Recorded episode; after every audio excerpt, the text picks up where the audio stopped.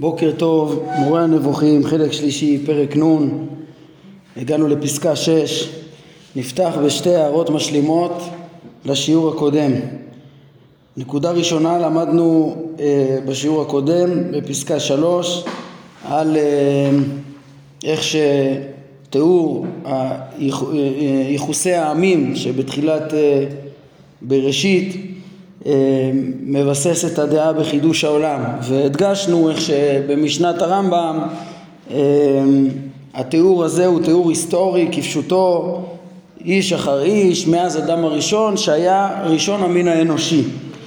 אה, מה שאני רוצה להוסיף הערה על זה זה שכך באמת ברור שהרמב"ם עצמו סבר אבל חשוב לי להדגיש שהוא סבר ככה בזמנו אה, לאור הידע בזמנו גם כן ואי אפשר להסיק מזה שככה הוא גם היה סובר אה, ב- בימינו כן? זאת אומרת בסוגיה של אה, גיל העולם בדורות האחרונים התעוררו הרבה כן דעות התבססו ראיות שונות מצדדים שונים לדבר על תהליכים הרבה יותר ארוכים של התפתחות העולם ובימי הרמב"ם לא היו את הדברים האלה ומה שאני רוצה רק להעיר זה שלא תבינו מתוך השיעור הקודם זה כאילו דעת הרמב"ם היא ללכת עם פשוטו של מקרא גם נגד אה, הוכחות ותגליות אה, אה, ברורות וכדומה להפך. הרמב"ם לימד אותנו בהקשר של סוגיית חידוש העולם ש, ובכלל ש, ש, שדרכו היא שבמקום ש... שצריך, ש, שפשוט, כן, שפשוטי המקרא לא מתאימים עם המדע אז uh, צריך להסביר את, ה, את, ה, את הפסוקים בעצם בהתאם למדע וגם להוציא אותם מפשוטם כמו שהרמב"ם כותב כמו שהוא עשה בכל uh, עניין הרחקת ההגשמה. uh, איפה שזה מוכח ממש, שיש לך טענה מוכחת אז זה ממש הכרחי להוציא את הפשט. איפה שזה, גם איפה שזה מסתבר ראינו אה, ראוי להבין את התורה בהתאם למציאות וככה שאם מתבררות אה, ראיות חזקות נגיד בסוגיה של גיל העולם אה, אז, אז על פי דרכו של הרמב"ם שוב בזמנו הוא סבר שהכל כפשוטו כאילו היה לו שום נתונים רציניים להוציא מזה אלא רק טענות גרועות של אנשי הצבא וכדומה. אה, שהיו הזויות לגמרי כמו שראינו בפרק כ"ט אבל, אבל על פי משנתו לאור אה, ראיות רציניות בנושא הזה אז ודאי שגישתו היא לפרש את הפסוקים בהתאם לידע ההיסטורי והארכיאולוגי והמדעי והביולוגי וכדומה וכל מה שראוי לברר בנושא הזה. כן וככה אפשר לראות שחכמים רבים בין השאר גם רבנו הרב קוק בספר לנבוכי הדור שלו אז הוא אה, אפילו שבזמנו עוד לא היה ראיות כל כך חזקות לתיאוריות האבולוציה וההתפתחות וכדומה, אבל כבר כיוון שזה היה הגישה יותר רווחת, הוא הראה איך אפשר לפרש את הפסוקים מצוין לפי התיאוריות האלו, וזה בעצם בהמשך לגישה של הרמב"ם. זה הערה ראשונה, שוב שלפי גישתו של הרמב"ם אה, אם יש ראיות כן היה אפשר להוציא ולפרש את כל הפרשיות האלו של יוחסין לאו דווקא כפשוטם בדיוק ולראות בהם תיאור קונקרטי כזה שמבסס את אמונת החידוש של איך הוא אומר פה אה, כ-2500 שנה לפני משה רבנו התחדש העולם ולבסס את זה כך אלא להפך יכול להיות שאם יכירו את ההיסטוריה האחרת אה, בראיות יחסית אה, מסתברות ומוצקות אז להפך הוא יבין את הדברים האלה לא כפשוטם. זה גם כן על פי משנת הרמב"ם זה הערה ראשונה הערה שנייה, אה, אתמול הזכרנו בהקשר של מלחמת אה, אה, המלכים ומידותיו של אברהם שאפשר ללמוד משם, הזכרנו גם את, את תחילת פרשת וירא שאפשר ללמוד משם על הכנסת האורחים של אברהם אבינו אפילו שזה היה לפי הרמב"ם במראה נבואי כן? אז רציתי להוסיף ולהעיר שגם סיפור סדום שהרמב"ם הזכיר כאן ודיברנו עליו אה, כמה הוא חשוב לבסס את אה, אמנת ההשגחה גם הוא לפי הרמב"ם היה לפחות עיקר התיאור שלו במקרא היה חלק מנבואתו של אברהם אבינו. לפי הרמב"ם, כן, כמו שאמרנו, חלק שני, פרק מ"ב, אה, כן, פסקה אה, ארבע שמה, אה, כן, אז נראה לי. מה? זהו, אז ודאי שזה גם מתרחש במציאות, כן, ובזמנו הרחבנו בזה את כל הוויכוח של אברהם ו... אה, סליחה, את כל הוויכוח של הרמב"ם והרמב"ן, איך להבין את זה, ותירצנו את קושיות הרמב"ן, ואז הסברנו, כן, זה היה ודאי אירוע מציאותי, והיה ודאי בהשגחה לפי הרמב"ם. וכמו שרואים מכל המקורות שהרמב"ם מדבר על זה, ובאופן מיוחד מפרק י' מחלק ראשון, כמו שראינו, איך שיש שם תיאור הירידה, זה תיאור ההשגחה האלוהית שהייתה אה, לפקוד את אה, מעשה סדום ולראות שבאמת זה היה מגיע להם אותו עונש וזה היה עונש מאת השם שמגיע להם על מעשיהם הרעים ואז היה מציאותי אבל בהתאם לשיטת הרמב"ם שכל ראיית מלאך היא במראה הנבואה אז אנחנו הסברנו איך שרוב התיאור של הצלת לוט על ידי המלאכים הוא בעצם חלק מנבואתו של אברהם אבינו שעודנו עומד לפני השם וכולי ובעצם המסר של כל הנבואה הזאת היא גם ללמד על מידותיו של אברהם ועל uh, תפילתו, ל, ל, ל, ל, ל, כן, הוא חפץ בחסד uh, וביישובו של עולם כמה שאפשר ולימוד זכות אפילו על הרשעים וכולי וגם איך מצילים את לוט בזכות אברהם ו- וכולי, רק שהכל במראה הנבואה של אברהם עד שלמחרת בבוקר הוא קם ורואה את הדברים האלה שקרו גם במציאות. אבל התיאור הנרחב היה נבואתו של אברהם. טוב, זה הערה שנייה. ומכאן אנחנו מתקדמים אה, לביאור של פרשיות נוספות בסוף פרשת וישלח עכשיו אה, של ייחוס בני שעיר ועמלק ותיאור המלכים אשר מלכו בארץ אדום. כן הרמב"ם אמר בתחילת הפרק שיש, שחושבים שבסיפורים האלו אין תועלת בהזכרתם, לכאורה מה אני צריך את השושלת הייחוסים הזאת, אז הבנו את שושלת הייחוסים באופן כללי של אה, לבריאת העולם, אבל למה, למה אלו?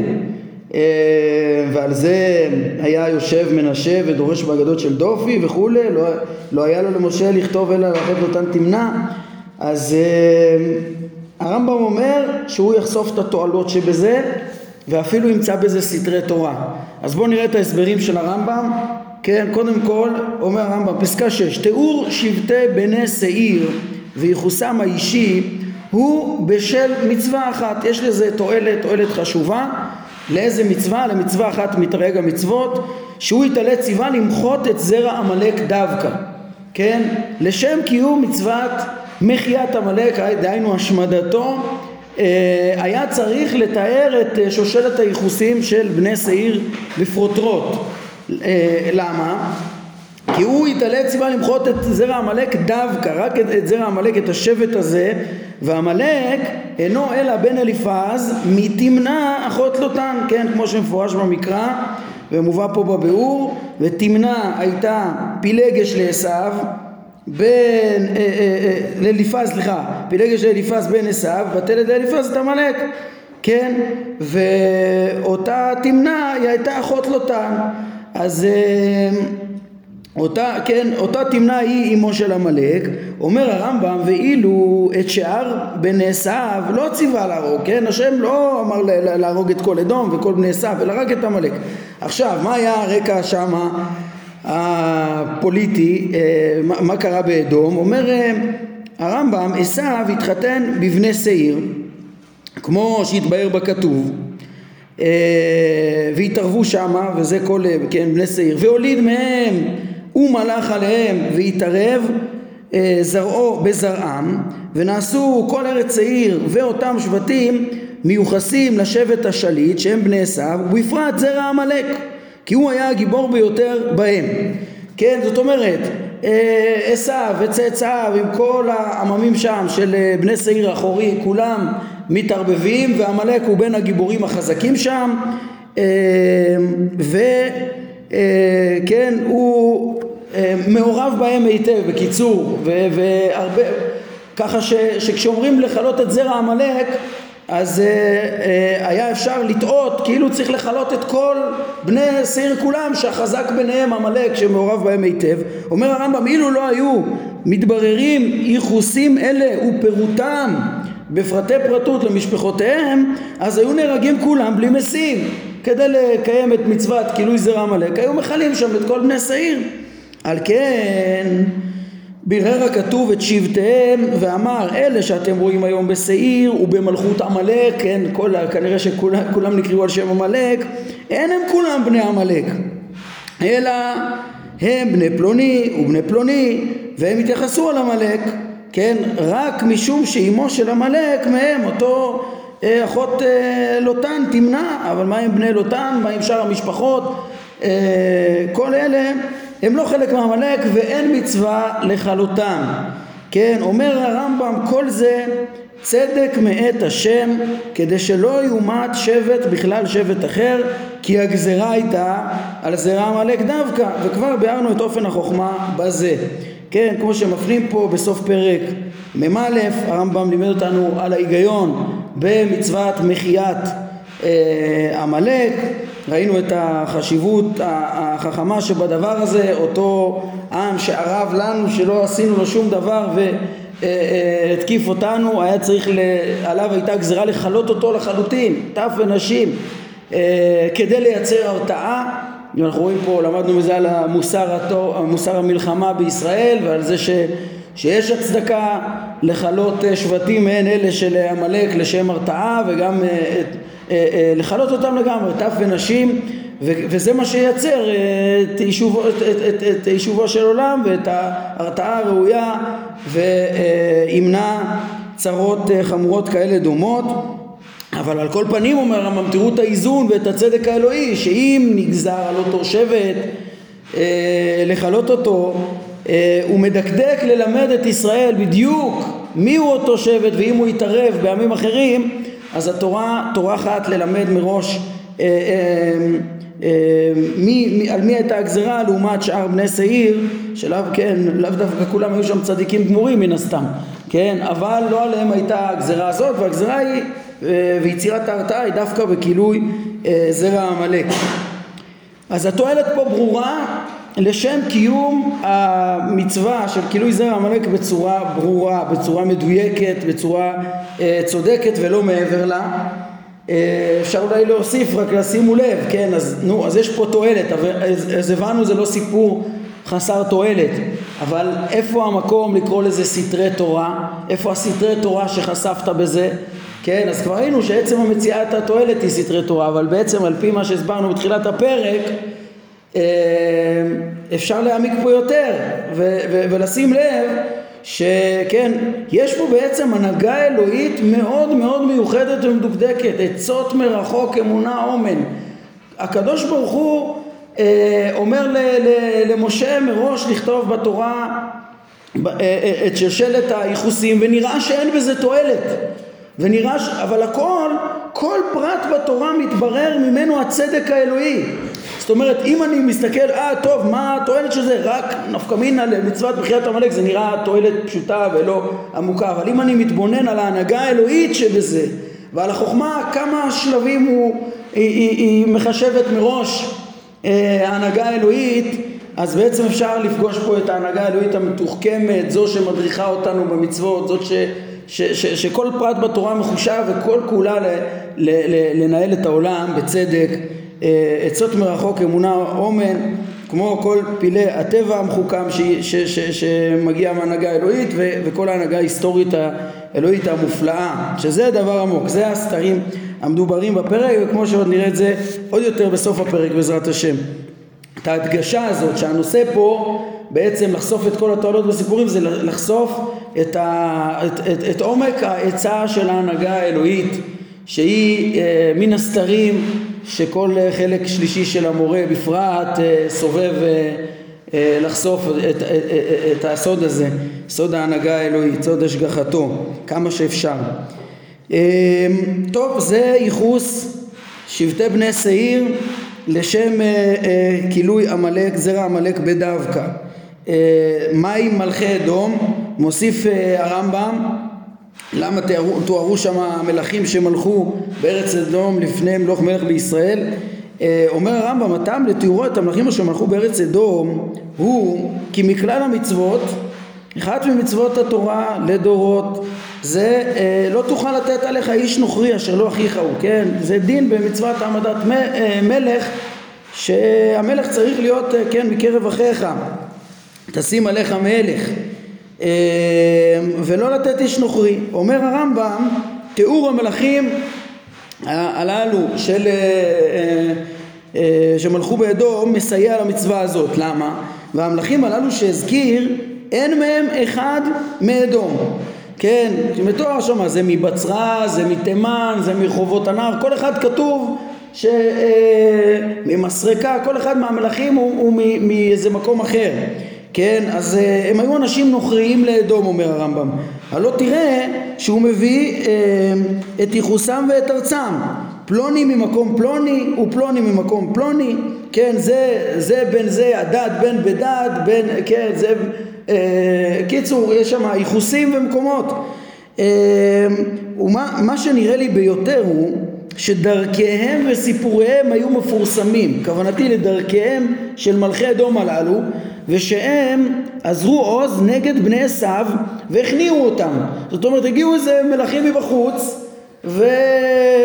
והתגברו על התושבים המקומיים בני עשיו המקומיים והכניעו אותם כן? לכן הזכירו אותם בשמם וכאילו אמר לימדו לקח מאחיכם בני עשיו שהיו מלכיהם פלוני ופלוני ומעשיהם של הללו היו מפורסמים כי לא עמד בראש אומה אדם שאינו מיוחס עליה שלא דיכא אותה דיכוי קשה או מועט.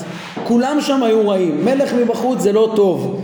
כן לימים ישראל סבלו מזה כידוע במלכות הורדוס אה, מלך מבחוץ שהוא לא אה, מבני העם הוא בדרך כלל רודה את העם לא מתחשב בצרכיו לא מבין אותם מדכא אותם או הרבה או מעט.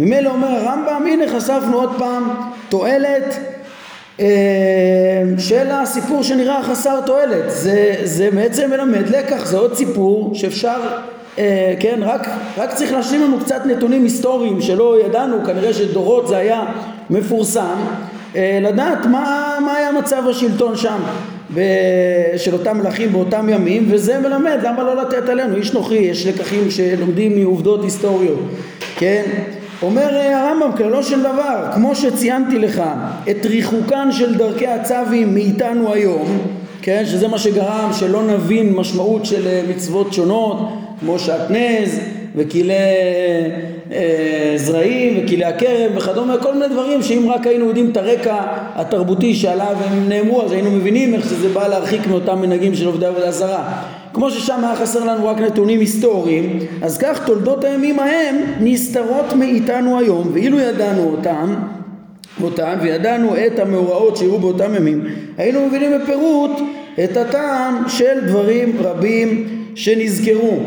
כן, אז בעצם הרמב"ם פה נתן לנו שוב טעם גם לאזכור אה, המלכים אה, אשר מלכו בארץ אדום.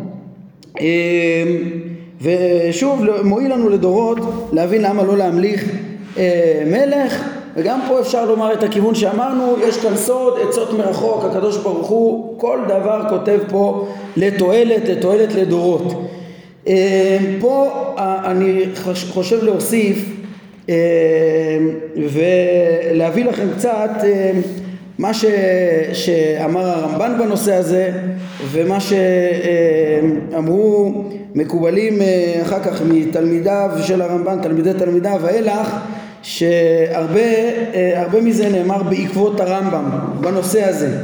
אה, דבר ראשון מאלף לשים לב ליחס של הרמב"ן לשאלות האלו עצמן. כן כבר אמרנו שהרמב"ן מתייחס לדברים בדרשת תורת השם תמימה. קודם כל הרמב"ן, הרמב"ן שרוצה להראות את מעלת התורה ומעלה אפילו של המסרים של סיפוריה אז בסוף הנוסח הראשון של אה, דרשת תורת השם תמימה כן שזה מה שנדפס בכתבי אה, הרמב"ן של מוסד הרב קוק של הרב שבל כן הפוקי הנוסח המלא יותר הנוסח מהדורה בתרא עם התוספות של הרמב"ן שנתפס בדורנו רק בסוף הדרשה שם בקיצור הרמב"ן מביא את סיפורי התורה הללו ומביא את דברי הרמב"ם כמו שהם, כמו שהם, כמו שהזכרנו גם את התועלת של סיפורי המבול וסדום ועמורה, ללמד על ההשגחה וכולי וגם העניין של ייחוס אה, בני שעיר והמלכים שהלכו בארץ אדום, הרמב"ן כשהוא כותב את דרשת תורת השם תמימה, אה, גם במהדורה השנייה הוא לא שינה את הפרט הזה, אה, כמה שאני זוכר, הרמב"ן מביא את דברי הרמב"ם כצורתם, זה שלב א', זאת אומרת כשהוא מחפש מה, מה המשמעות של אותם סיפורים, זה מה שיש לו לומר. אבל בפירושו לתורה הוא אה, טיפה חולק על הדברים, משנה אותם, וזה, אבל עדיין הכל ברובד הפשט ובחשיבה דומה לחשיבה של אה, הרמב"ם. הרמב"ם בפירושו לתורה הוא אה, חוזר בו, מה שהרמב"ם פה אה, טוען שבעצם המלכים האלו כולם היו מחוץ לאדום, אז אה, הרמב"ן פתאום אה, מתחדש לו שאפשר לפרש, או, וככה נראה לו לפרש, שכל הערים הנזכרות, בצרה ותימן וכולי, הם ערים בתוך אדום, הם לא ערים מחוץ לאדום.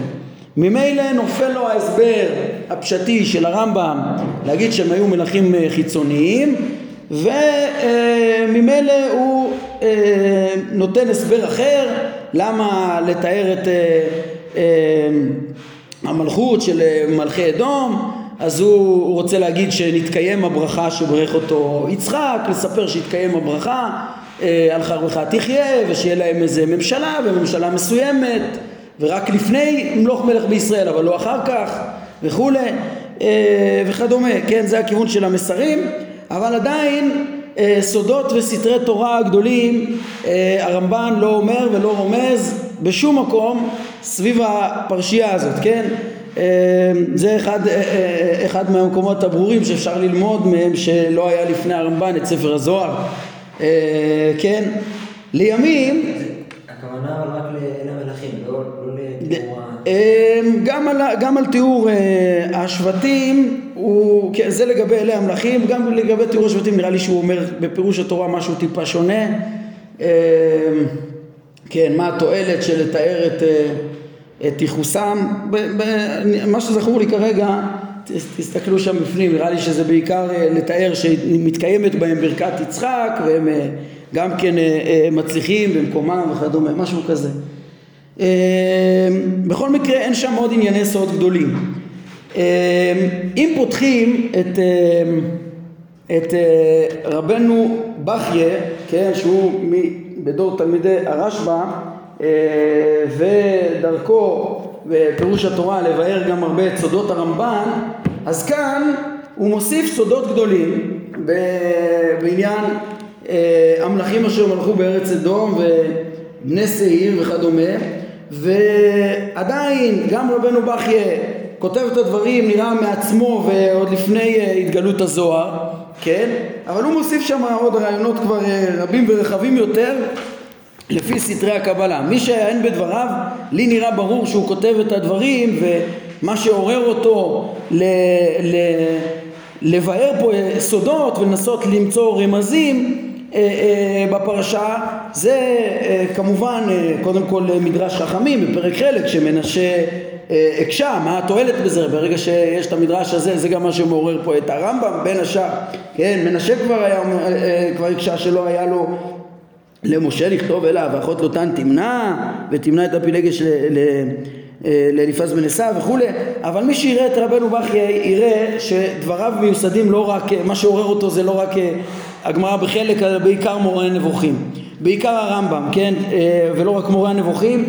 הרמב"ם הרי מה הוא אומר פה? הוא ממש מזמין להנחתה מה שנקרא. כן? הוא, הוא, הוא בעצם אומר שיש כאן פרשייה לכאורה מאוד קשה ויש בה סתרי תורה, צריך להיות בה סתרי תורה אומר הרמב"ם והסתרים שלו אנחנו הבנו למה הם סתרי תורה אולי על פי דרכו אבל זה דברים שנראים פשוטים והם לא סתרי תורה על דרך המקובלים. וכן זה רבנו בכי נסמך גם על הדברים של הרמב"ם הדומים והשייכים לעניין שהוא מביא בפרק חלק ביסוד השמיני מי"ג העיקרים שזה תורה מן השמיים. אז שמה אה, הרמב"ם אומר את הדברים הבאים שכן אה, כל התורה כולה נכתבה על ידי אה, משה רבנו מתחילתה לסופה כולל, כן, כולל דברי ימיה וסיפוריה ומצוותיה והוא מוסיף שם שאין הבדל בין ובני חם כוש ומצרים ופור תוכנן ומצטט גם כן מהפרשייה הזאת של מלכי אדום ושם אשתו של הדר המלך השמיני אה, שם אשתו מיטבל בת מטרד כן? אין הבדל בין הפסוקים האלה שנראים סיפורים שקשה להבין מה התועלת שבהם כן, אה, לבין, אין הבדל בין זה לבין אנוכי השם ושמע ישראל השם אלוקינו השם אחד, אומר אה, הרמב"ם, למה, כן, במדרגה ש, שהכל מפי משה, זה הכל מפי משה, הכל מפי הגבורה והכל תורת השם תמימה, טהורה, קדושה, אמת, כן, הוא מתייחס גם למנשה, ולא היה אצלם מנשה אה, כופר ומתעתע יותר מכל כופר עליהם מפני מחשבתו כי בתורה יש לב וקליפה וכי אלו דברי הימים והסיפורים אין תועלת בהם וכי הם מאת משה כן, וזה עניין, אה, אין תורה מן השמיים, ולעומת זאת, כן, הוא אומר, אה, אלא כל מילה ממנה, כל מילה, או שלפי הרב קפח מתרגמים פה אות, כל אות ממנה, או כל מילה ממנה, יש בה חוכמות ופלאים למי שהבינו השם, ולא תושג תכלית חוכמתה, אומר הרמב"ם, ארוכה מארץ מידה, ורחבה מני ים. כן, ואין לאדם אלא להלך בעקבות דוד משיח אלוהי יעקב אשר התפלל גל עיניי והביט הנפלאות מתורתך. הדברים האלה של הרמב"ם מזמינים לנסות לפרש אה, לא רק את התועלת שיש במקום הזה אלא את הסתרים שהרמב"ם אמר שיש במקום הזה להתפלל אל השם לחשוף את ה... אה, אה, ש, שגלה את עינינו ולראות את הנפלאות אז רבנו בכר באמת מביא את הדברים האלה של אה, הרמב"ם לא בפירוש בשמו אבל, אה, אבל אה, אה, כן, איך הוא מתאר פה ממש את הלשון של הרמב"ם הוא מביא פה שמדרך הקבלה הנאמנה אתה צריך לדעת כי אין הפרש בין פסוק הייחוד והוא שמע לפסוק ותמנע ואין הפרש בין פרשת ואלה המלכים ופסוק ושם אשתו מיטבל לפסוק ויעש המלאך האלוהים ועשרת הדיברות כן? ואולי הוויעשה גם מזכיר את המסעות שנראה בהמשך הפרק וכולי, הדברים שלה, בקיצור נראה שדברי הרמב"ם עוררו אותו לכתוב והוא מפרש פה סודות שאחר כך גם כן, אה, אה, כן סודות גדולים, אה, הוא מקשר את, ה, את המלכים שמלכו לפני מלוך מלך בישראל לרעיון של שהיה הקדוש ברוך הוא בונה עולמות ומחריבן וזה הרי יסוד שכבר הרמב"ן רמז אליו אולי כן, לפחות ככה שהיו שהבינו את הרמב"ן, יש ויכוח איך להבין את הרמב"ן במה שנקרא בסוד היובלות. סוד היובלות לפי הרמב"ן, הרי הרמב"ן מדבר על, ה, על uh, מהלך המציאות, כן, בשיטה אלפי שנה, אב ועלמא כמו שאמרו חכמים, ו, uh, ואלף השביעי זה כנגד uh, העולם הבא, והוא רומז אולי שיש גם מדרגות, אלף שמיני, אלף, כן, uh, שנת היובל, אז אם יש יובל ויש, והעולם הזה הוא כמו שמיטה, אז יתווכחו, אולי יש גם עוד שמיטות, תורת השמיטים, זה ויכוח גדול בין המקובלים. אמ, ויכול להיות שה, שהרבנו בחיי רצה לקשר את זה לזה, לכן הוא אומר רק שזה סודות גדולים שהוא לא יכול לפרש אותם, אומר אולי זה קשור, כן, העולמות שברא במידת הדין ואחר כך שיתף מידת הרחמים זה אדום, מלכי אדום זה העולמות ש, שנבראו במידת הדין ונחרבו ועכשיו אנחנו כבר בעולמות של הרחמים. אה, זה דברים נעלמים עומדים ברומו של עולם, אחר כך הוא מוסיף עוד רמזים רבים אה, שמתחיל לדרוש את שמות המלכים וכולי, סתם מביא לכם דוגמה למשל, יש את המלך הדד בן בדן, אז הוא אומר הפירוש של הדד בן בדד זה י"ג מידות הנכונות והנמשכות מעשר ספירות, והמשכיל ימצא, כן? מאוד, מאוד פשוט הרמז, גימטריות, כן? 13 אה, שנמשך מ-10, הדד בן בדד, לפי ה-13 שנמשך מ-10 בגימטריות וכולי, ויש פה עוד אה, אה, סודות שהוא בעצם, שוב, ה, ה, כמו שאמרנו, הדברים של הרמב"ם ברור שעוררו אותו בנושא הזה. אה, עוד נוסיף, כן, וככה אפשר למצוא אחר כך כשהתגלה אה, הזוהר, אז אה, אז, אז בפרשייה הזאת יש סודות אה, רבים ועמוקים בדרך הקבלה והספירות, אה, לא רחוקים מדברי אה, רבנו בחיי, ולימים בקבלת הארי אפשר לומר שהסודות אולי היסודיים ביותר בקבלת הארי שמתבהרים, כן, איך שהוא מפרש את ההידרות והספרא הם קשורים למה שנקרא סוד שבירת הכלים, שכל ההיסטוריה כולה היא מהלך שאמור לתקן אותם עד לגאולה השלמה. מיתת המלכים, סוד מיתת המלכים זה סוד שבירת הכלים, וודאי שלא הנושא שלנו לעסוק בזה כעת. כן, אבל כל הדברים האלה הם הסברת הסודות שיש ב... ב אפשר לקרוא לזה גם סודות ההנהגה האלוהית בכל מהלך ההיסטוריה לפי המקובלים ואצל הרמב"ם אנחנו מוצאים פה את סודות הנהגת ההיסטוריה, אה, את סודות ההנהגה האלוהית העמוקה בהיסטוריה על פי דרכו ומינה ומינה יתכלה סילאה. אה, נמשיך איפה שעצרנו. אומר אה, הרמב"ם, כן, ראוי שתבין שבחינת הדברים הכתובים אינה כבחינת המצבים הנראים לעין. אתם יודעים מה, לפני שאני ממשיך את זה, רק עוד הערה קטנה שרציתי לומר על, על אה, מה שהרמב"ם אומר פה על מצוות מחיית עמלק. אה, אה, לגבי מצוות מחיית עמלק, אז יש נקודה מאוד מעניינת ברמב"ם. לכאורה הוא בא, אומר לנו, תדעו לכם, הסיבה שהתורה מנתה את הייחוסים זה, זה מה? כדי שנדע מי, את מי בדיוק uh, מיוחס לעמלק שאותו צריך להרוג. עכשיו, הדבר הזה, אם אנחנו מתבוננים בו רגע, אנחנו נשאל את עצמנו רגע, הייחוסים האלה לכמה זמן uh, היו מבוררים?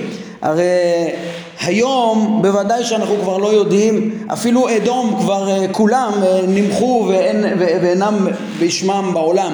Uh, צאצאי עשיו, שעיר, אדום, כל אלה, בטח לא את המשפחות המפורטות שלהם, ובטח שאין לנו מושג מיהו עמלק שהתערב בתוכם כבר uh, מתחילת uh, uh, כל הממלכת שעיר, כן, ממות משה רבנו וכולי. אז uh, למתי בדיוק הועיל הסיפור הזה? הסיפור הזה ודאי שצריך לומר אה, ש, שזה הועיל עד ימי אה, שאול ושמואל, כן, שאז אה, באמת ישראל נצטוו, אומר שמואל לשאול, שכן השם אומר פקדתי את אשר עשה לך עמלק וכולי, ומצווה את שאול ללכת ולהכרית אותם סוף סוף לקיים את המצווה של להכרית זרע עמלק, וכנראה ש... עד אז צריך לומר שהדברים היו ידועים וברורים ועל פי זה ידעו לכלות את זרע עמלק דווקא, כן? אני רק רוצה אבל לחדד ולהשלים, כן, את שיטת הרמב"ם פה בעניין הזה כי, כי זה שאני אומר שאבד הייחוס זה דבר פשוט, ברמב"ם לא רק מ... זה גם מהמציאות פשוט, אנחנו יודעים שאבד הייחוס וגם מדברים מפורשים, הרי בסוף הפרק הקודם הזכרנו את זה שדיני אה, איסור ביאה בקהל של אה, ארבעת העממים, אדומי ומואבי, אה, אדומי ומצרי, עמוני ומואבי, הם, הם כבר, זה מצוות שהם כבר בטלו. הרמב"ם כותב בפירוש בהלכות איסורי ביאה, סוף פרק י"ב, שמאז שסנחריב בלבל את האומות, אז כל הגרים אפשר להביא אותם בקהל, חופשי, מהרגע שהתגיירו, כי גם האומות האלה כבר אין שמם עליהם, כן? ומשמע אפילו יבוא איזה מישהו שהוא צאצא ביולוגי שלהם, הוא כבר לא מהאומה הזאת ואין את האיסור, כן? הזכרנו את זה, על פי זה רצינו להסביר אולי למה הוא גם השמיט את זה מהקבוצה הקודמת ורק במקומות אחרים ראינו את ההתייחסות של הרמב"ם לאיסורים האלו. הרמב"ם אומר בפירוש שכל האדומים כבר אבד הייחוס שלהם, אז לפי זה יוצא בהכרח לכאורה שלא שייך היום אה, אה, להרוג זרע עמלק שכבר עבדו ואבד זכרם. כן? וכן זה הרמב"ם כותב בפירוש כידוע על מצוות יש מצווה בתרי"ג המצוות להכרית שבעה עממים כן יש מצווה והרמב"ם מסביר שהמצווה הזאת היא באמת בתרי"ג המצוות וכבר קיימנו אותם וכבר עבדו ועבד זכרם. הרמב"ם כותב את זה גם בספר המצוות עשה קפ"ז וגם בהלכות הלכות מלכים מלחמות אה, פרק ה' זה מלחמת מצווה הראשונה שיש זה, זה להכרית שבעה עממים. מלחמת מצווה מצווה מן התרי"ג והיא נוהגת לדורות, כן, אה, אה, בעצם היינו צריכים, בכל דור שלא יהיו צריך להכרית את אותם שבעה עממים, אבל כיוון שעבדו ועבד זכרם, אז כבר את החפצה של המצווה אין לנו. המצווה קיימת, אומר הרמב"ם, והיא לדורות מהבחינה הזאת ש, שהיא, כן, רק חפצה אין לה, אבל היא הייתה, היא בעצם חובה שלא תלויה בזמן. אז שם הרמב"ם אומר בפירוש שהם עבדו ועבד זכרם. אז היינו מצפים שככה יהיה גם בעניין עמלק. אבל יש דברים של הרמב"ם שלכאורה סותרים את זה, שהרמב"ם בספר המצוות עשה קפ"ז בהקשר של שבעה עממים, הרמב"ם כותב בפירוש שזרע עמלק בשונה משבעה עממים אז uh, הקדוש ברוך הוא הבטיח שהוא עוד יכלה אותו, כבר הבטיחנו השם יתעלה ש, שהוא ימחה את זרע עמלק, כן? ימחה אותו לעתיד אומר אה, הרמב"ם, והוא אומר שיהיה במהרה בימינו, במהרה יאבד, כי כתוב כי מחו ימחה את זכר עמלק, כן? וכמו שחכמים דורשים, אין השם אה, שלם, אין הכיסא שלם, יד על כס ים מלחמה להשם בעמלק מדור דור, עוד מלחמת עמלק זה, זה, היא, היא אה, עדיין קיימת אומר הרמב"ם והוא מסביר שם שגם אחרי שנכלה, הוא אומר בעתיד נכלה את עמלק, אז אה, עדיין אה, זה, זה לא סיבה לא למנות בגלל זה את המצווה כמצווה נוהגת לדורות, כי בעיקרון היא נוהגת כל הדורות, גם אם בסוף החפצה ייגמר. וזה לכאורה פלא, עם כל מה שאמרנו נראה, נראה לכאורה סתירה. איך, איך היא נוהגת בכל דור ודור? איך היא נוהגת? איך עדיין יש זרע עמלק? אין לנו את הייחוס. אין את הייחוס. והתשובה הפשוטה לזה, כן, שהיא לא כמו שרגילים לחשוב, רגילים לחש... ל... ל... לומר שבזרע עמלק, כן, אם אתה ת... ת... תברר את הייחוס של בן אדם ספציפי, אז uh, מצווה להרוג אותו בכל דור ודור. והדבר הזה הוא משונה, הוא גם לא מתאים לטעם המצווה של ליצור הרתעה, לכלות איזה שבט, סתם עכשיו פה להרוג איזה אה, צאצאים, אני לא חושב שזה כוונת הרמב"ם, ו... ובאמת לכאורה עבדו ועבד זכרם, אז מה הפשט? שמעתי הסבר יפה מהרב שילת, שהוא אומר, הרמב"ם לא אמר שמה, ש... ולא בהלכות, אגב גם בהלכות, על, על ש... מלחמת, ש... מלחמת מצווה של שבעה עממים, הרמב"ם כותב שעבדו ועבד זכרם, על עמלק הוא לא אומר ש... שעבדו ועבד זכרם, אז זה מדויק שהם עדיין קיימים, לכאורה או יותר מדויק, שהמצווה עוד שייכת, היא לא נגמרה עדיין, כן, כמו שהוא כותב בספר המצוות, ומה הרב שילת הסביר? הרב שילת הסביר יפה, הוא אמר באמת עבדו ועבד זכרם ולכן היום לא רלוונטי להרוג אף אחד וגם לא בגלל הייחוס, כן, אלא מה? אלא מה? אה, אה, הוא אומר ככה בעצם מה, במה הרמב"ם תולה את הקיום של עוד נוכל לקיים, עוד נקיים את גילוי זרע עמלק לגמרי? בהבטחה האלוהית שזה עוד יהיה. לא כי זה קיים כרגע, כי זה עוד יהיה. וצריך להבין את זה ככה. הרב, אה, אה, כן, הרב שלט אומר, כמו שהקדוש ברוך הוא הבטיח שיצא שורש מגזע ישי וכן ויתבררו הייחוסים שלנו ויקום לנו משיח. אפילו שאנחנו לא יודעים את הייחוסים היום יתבררו הייחוסים ויעמוד לנו מלך במלכות בית דוד. ויתבררו הייחוסים של הכהנים והלוויים וישראל המיוחסים וכדומה. כמו שזה יתברר לימות המשיח אז כנראה שצריך להבין את ההבטחה האלוהית הזאת שגם יתברר שאויבי ישראל אותם גוג ומגוג שנאמרים בנביאים ואותם שהתנגדו לישראל ביניהם אולי יהיה עמלק.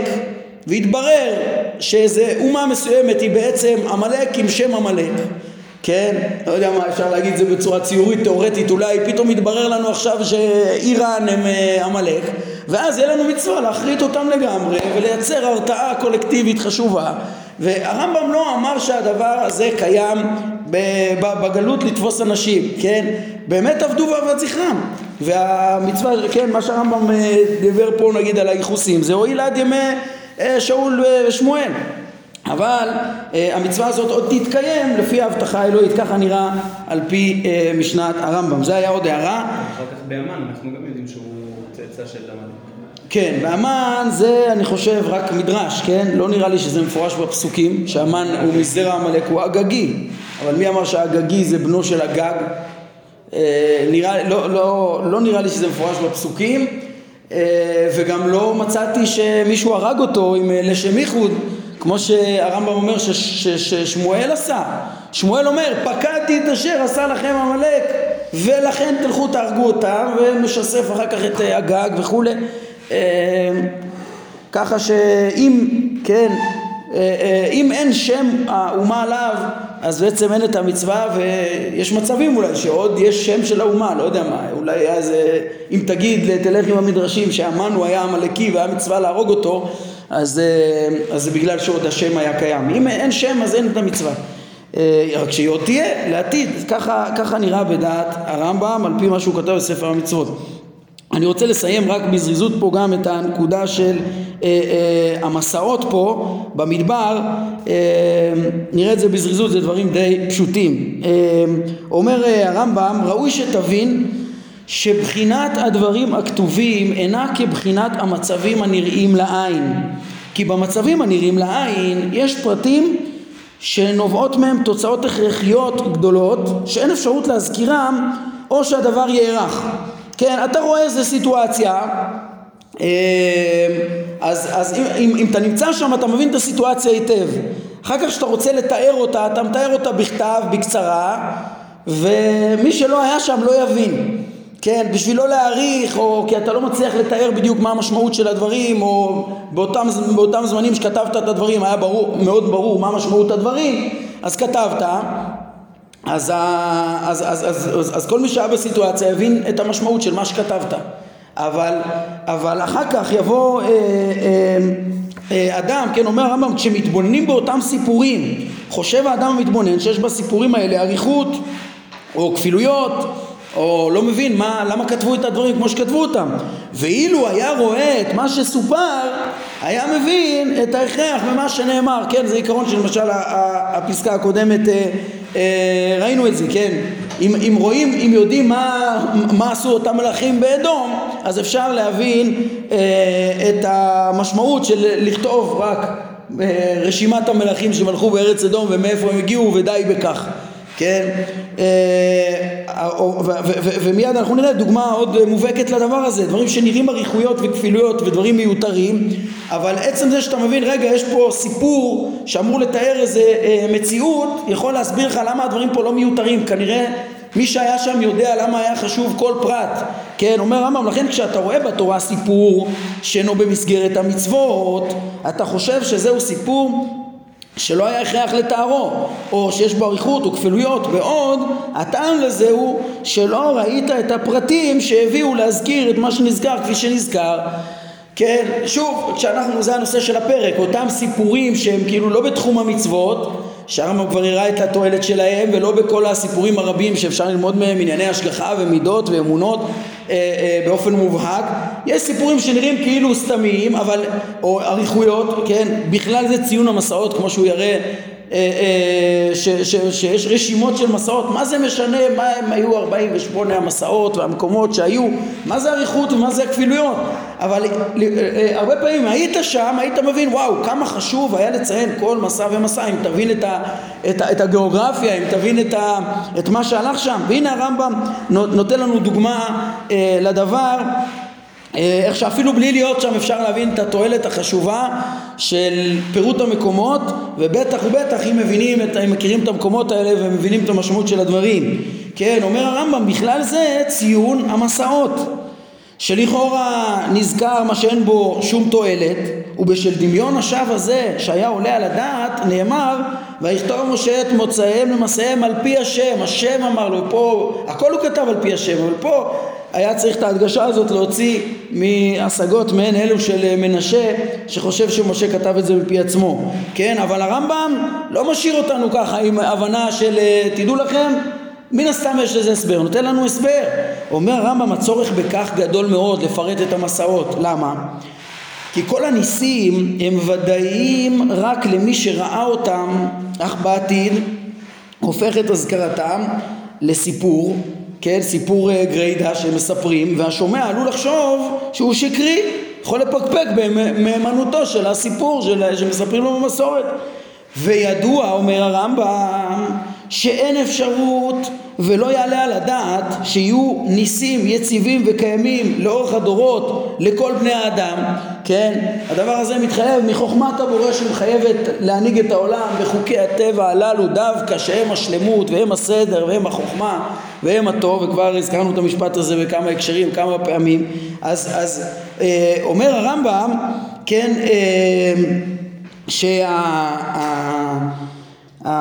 כן, הניסים שוב, הם ודאיים למי שראה אותם, אבל, והם לא יהיו תמיד, למדנו כבר כמה הם חשובים לבסס את האמונה, כן, אה, כבר בחלק שני, פרק כ"ה, אה, למדנו איך שהנס מעיד על האפשרות של אמונת החידוש ושולל את הקדמות, כן, אה, אז כל כך חשוב לדעת להכיר בזה שהיו ניסים. עכשיו, הניסים, יבוא אדם, אם אתה לא תיתן לו נתונים מדויקים של איפה היה הנס ואיך וזה בעצם כל התיאור של איפה היו ישראל בכל המסעות, אז עלולים לחשוב שזה שקרי. עכשיו, מה תגיד, הקדוש ברוך הוא יעשה נס בכל דור ודור? זה בלתי אפשרי, זה נגד החוכמה. צריך, החוכמה האלוהית מחייבת ניסים בזמנים מסוימים שהועילו לכל ההיסטוריה. כן, אה, יש לשון מקבילה של הרמב"ן, ממש אה, מעין מה שהרמב"ם אומר פה, שאין אפשרות ולא יעלה על הדעת שיהיו ניסים יציבים קיימים לאורך הדורות לכל בני האדם, הרמב"ן סוף פרשת בו אה, פרק י"ג פסוק ט"ז, שם הוא מעריך ושם הוא כותב גם כן, אה, כן על החשיבות של אה, הנצחת המסורת של הניסים של יציאת מצרים, אז הוא כותב שם שהקדוש ברוך הוא לשונו היא כזאת, הקדוש ברוך הוא לא יעשה אות ומופת בכל דור לעיני כל רשע וכופר ולכן מאוד חשוב אומר הרמב"ן לשמר את המסורת כן? והרמב"ם מוסיף פה ומלמד ש, שגם על המסורת, אם המסורת לבדה, אם היא לא תהיה מגובה בנתונים מפורטים, אז uh, יבוא בן אדם ויפקפק בה, יפקפק במסורת. אומר הרמב"ם, כן, תראו פסקה 10, הוא משלים את העניין, אז הוא אומר, ומכלל ניסי התורה, מן הגדולים בהם, זה שהותם של ישראל במדבר ארבעים שנה, והימצאות המן בו בכל יום. נס מתמיד קיומי של מזון לעם שלם במשך ארבעים שנה, זה לא דמיון, זה, זה מן הגדולים שבניסים, אומר הרמב"ם, הוא לא הראשון שמדגיש את uh, מעלת uh, נס המן, uh, רב סעדיה גאון כבר בהקדמתו לספר הנבחר באמונות ודעות מדגיש את נס המן כנס שמן הגדולים שבניסים, האבן עזרא כותב שה, שלדעתו, אה, כן, על פרשת המן הוא אומר, אני חושב שלדעתו נס המן הוא הגדול שבניסים והוא מוסיף שניסים רבים היו בו, כן, על פי מדרשי חכמים, כנראה הוא רומז אליהם, והתמיד ארבעים שנה גם בספר, יהודה, בספר הכוזרי של רבי יהודה הלוי נראה שהוא הדגיש את זה, מי שידקדק, מאמר ראשון בסעיפים פ"ה עד פ"ז אז הוא מדבר על נס המן ארבעים שנה בנפרד משאר הניסים יש את הניסי מכות מצרים אה, אה, אה, וקריעת ים סוף, אחר כך הוא עובר לדבר על נס המן בפסקאות בפני עצמן, אחר כך הוא עובר למתן תורה. אז כן, זה הדגשות שעוד לפני הרמב"ם הדגישו את זה והרמב"ם בעקבות רס"ג ואבן עזרא וריאל כנראה גם מדגיש זה מן הגדולים שבניסים נו אבל איך, נהיה, איך נדע שזה לא סיפורי סבתא? איך לא יפקפק אדם בסיפור הזה? יגידו כן אומר אה, אה, כן אה, אז הרמב"ם מיד יסביר כן צריך להבין ש, שישראל היו אותו מדבר וכמו שאמר הכתוב נחש שרף ועקרב וצמאון אשר אין מים. איך אפשר לשרוד במדבר הזה כן, אין שמיים, יש שם אה, נחש שרף ועקרב אה, והם מקומות רחוקים מאוד ממקומות יישוב שאינם טבעיים לאדם. לא מקום זרע ותאנה וגפן ורימון ומים אין לשתות. אין שם, אי אפשר לגדל שם שום דבר. לא מים, חיות מזיקות ואי אפשר לגדל שום דבר. כן ונאמר עליהם ארץ לא עבר באיש ולא ישב אדם שם. ולשון התורה לחם לא אכלתם ויין ושכר לא שתיתם למען תדעו כי אני אדוני אלוהיכם. אומר הרמב"ם כל אלה ניסים ברורים וניכרים ניסים עצומים. קיום של עם שלם שם במקום שאי אפשר להתקיים. עכשיו אומר הרמב"ם מכיוון שידע אה, השם יתעלה שיקרה בעתיד לניסים האלה מה שקורה לסיפורים. כל סיפור אחר כך מפקפקים בו. ויחשבו שהם היו במדבר קרוב למקום יישוב. אה כנראה הם לא היו באותם מקומות שהם מתוארים במסעות. הם היו קרוב למקום היישוב שאדם יכול לשהות בו. כן כמו המדבריות שהערבים הבדואים שוכנים בהם היום בקצוות שסמוכים ליישוב וכדומה. אה, או יכולים לחשוב, כן, אה, שהיו מקומות שאפשר לחרוש ולקצור בהם, או להיות ניזונים מאחד הצמחים שהיו שם, או שהמן יורד מטבעו באותם מקומות תמיד, כן, אם לא ידעו איפה, איפה מדובר, אה, אה, כן, על איזה מקום מדובר. או שיש ב, ב, ב, באותם מקומות בארות מים מסוימים ש, שעל פיהם חיו, שמכוחם חיו, כל הדברים האלה, כל מיני השערות שיכולות להכחיש את הניסים הגדולים האלו שהם מיסודות האמונה. ראינו כבר פרק מ"ג איך אה, יש לנו חגים להנציח את אותות אה, מצרים ואותות המדבר, אותות המדבר, חג סוכות, כן? זה לא, לא סתם יש, צריך לזכור את זה, זה גם הרמב"ן אומר, אבל פה הרמב"ם מוסיף לנו שכתיבת המסעות הייתה אה, אה, ל, ל, ל, לתת את הנתונים, איפה היינו? לכן סולקו כל אותם דמיונות שווא והודגש סיפור כל הניסים האלה על ידי ביאור אותם מסעות כדי שיראו אותם העתידים לבוא וידעו את גודל הנס בשהיית אה, מין האדם באותם מקומות ארבעים אה, שנה כן, אה, אני רק מזכיר לכם, זה לא פעם ראשונה שהרמב"ן, אה, שהרמב"ם, שהרמב"ם דיבר על נס המן ופה הוא מלמד על עוצמת הנס שהיה בו ובפרק כ"ד בחלק זה כשהרמב"ם דיבר על הניסיון שבמן אז הוא לימד שמה עניין הניסיון? הניסיון לא עניין אחר מאשר פרסום אמונת ההשגחה המופלאה שהייתה פה, כן יש לנו פרסום הדעה, דעת ההשגחה שמי שמתמסר לעבודת השם הקדוש ברוך הוא ימציא לו פרנסתו בדרך שלא עולה על הדעת, כן זה פרק אה, אה, כ"ד למעלה בעניין ניסיון ושם הוא הדגיש יסוד אה, אה, נס המן היה כל הארבעים שנה האלו זה לפרסם את אמונת ההשגחה אה, שיש בה ניסים עצומים שהנס בעצם מעיד על, על, על האמונה הזו. נסיים בפסקה 11 הקצרה שהיא בעצם השלמה של אותו רעיון. הרמב"ם אומר כדי לקבע ניסים, איפה עוד אנחנו רואים עובדות שמקבעות ניסים אה, לדורות, אז, אז, אז מטעם זה עצמו החרים יהושע את מי שיבנה את יריחו לעולם. כן? הוא רוצה, יהושע רוצה שיריחו תישאר ככה, כמו שהיא, שלא יבנו אותה. למה? כדי שאותו נס יהיה יציב וקיים.